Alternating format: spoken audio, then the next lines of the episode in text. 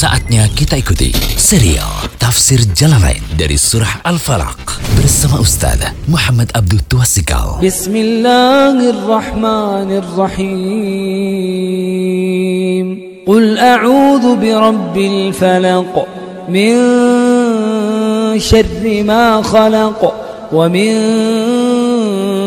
شر غاسق إذا وقب ومن شر النفاثات في العقد ومن شر حاسد إذا حسد Dengan nama Allah yang Maha Pengasih, Maha Penyayang.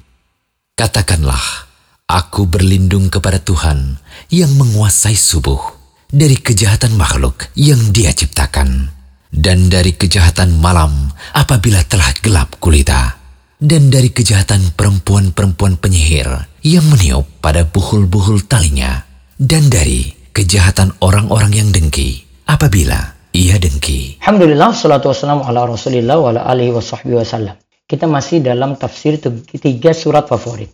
Masih dalam pembahasan surat Al-Falaq. Sebelumnya kita bahas tentang Allah itu Rob Al-Falaq dan juga kejahatan malam. Kali ini kaitannya dengan sihir.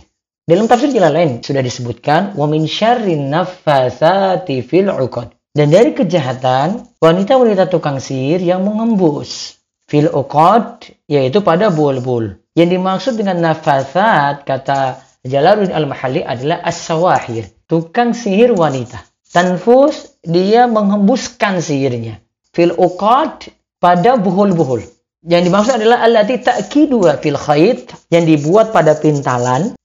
Tanfukhu fiha, tanfukhu fiha yang pintalan itu ditiup Bisyai'in dengan mantra-mantra takuluh min ghairi. Di mana mantra-mantra tadi disebut tanpa uh, keluar ludah. Jadi ya sekadar kita sebut tadi tiup. Kemudian Az-Zamakhsyari itu katakan, kenapa di sini disebut tukang sihir wanita? Karena bersama Labid Al-Asam itu ada ma'ahu kabanati Labid Al-Mazkur. Nah, disebut itu dengan tukang sihir wanita karena yang bersama dengan Labid Al-Asam itu adalah wanita, yaitu anak-anak perempuannya. Nah, sekarang kita lihat uh, pengertian ini dulu. Yang dimaksud dengan kejahatan di sini adalah kejahatan sihir. Karena sihir itu yang dihembuskan pada pintalan atau benang. Pada benang-benang atau pintalan-pintalan, pada pintalan. Di mana ditiupkan pada setiap pintalan tadi. Sedangkan nafsu, ya, nafasat tadi ada nafsu, berarti dari kata nafsu itu adalah tiupan dari mulut. Kata para ulama itu tanpa ludah, tanpa mesti ada keluar air di situ. Jadi tiupan. Nah nafsu inilah aktivitas tukang sihir. Maka disebut dengan nafasat. Itu maksudnya tukang sihir karena aktivitas itu nafsu. Nah sihir itu diingat berdampak jelek pada orang yang disihir. Ada yang jatuh sakit, ada yang kena stroke, ada yang nggak bisa bergerak, ada yang akhirnya suami dan istri itu cerai, pisah. Nah nafsu inilah aktivitas tukang sihir. Sihir itu berdampak jelek pada orang yang disihir. Sihir juga, ingat, meminta pertolongan pada arwah-arwah jahat, pada roh-roh jahat. Jadi orang bisa saja terkena sihir. Nah itu terjadi dengan izin Allah. Walau tidak Allah sukai perbuatan tersebut. Jadi sihir tidak disukai Allah. Walaupun memang terjadinya itu dengan takdir Allah.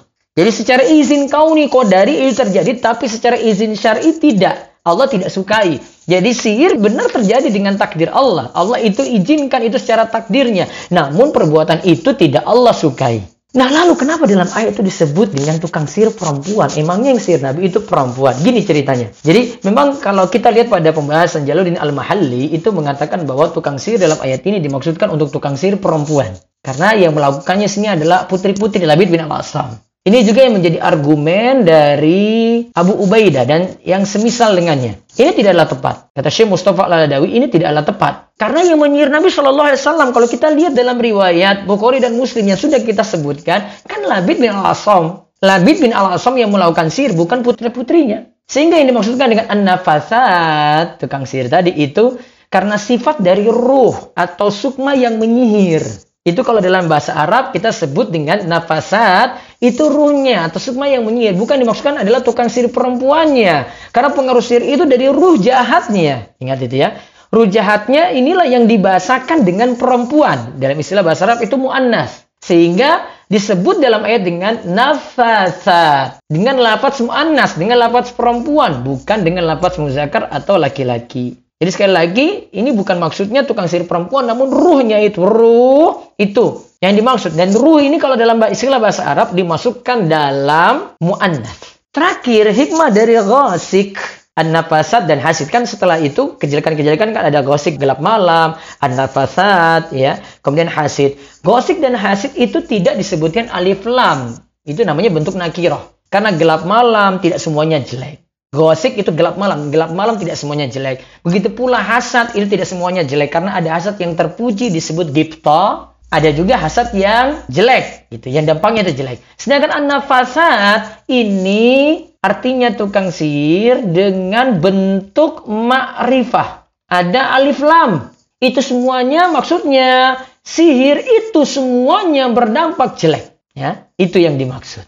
Nah, nanti di audio selanjutnya insya Allah kita akan kaji secara lebih jauh sihir, macam-macamnya, pengaruh dari sisi hukumnya, apakah tukang sihir itu kafir ataukah tidak, nah terus bagaimana bertobat kalau pernah jadi tukang sihir, kemudian bagaimana cara agar tidak terkena sihir, bagaimana. Nah, nantikan audio selanjutnya insya Allah. Yaitu kita nantikan nanti setelah audio ke-15 ini audio ke-16. Semoga jadi ilmu yang manfaat. Demikian serial Tafsir Jalalain dari Surah Al-Falaq bersama Ustaz Muhammad Abdul Tuasikal. Kunjungi terus situs rumaisurah.com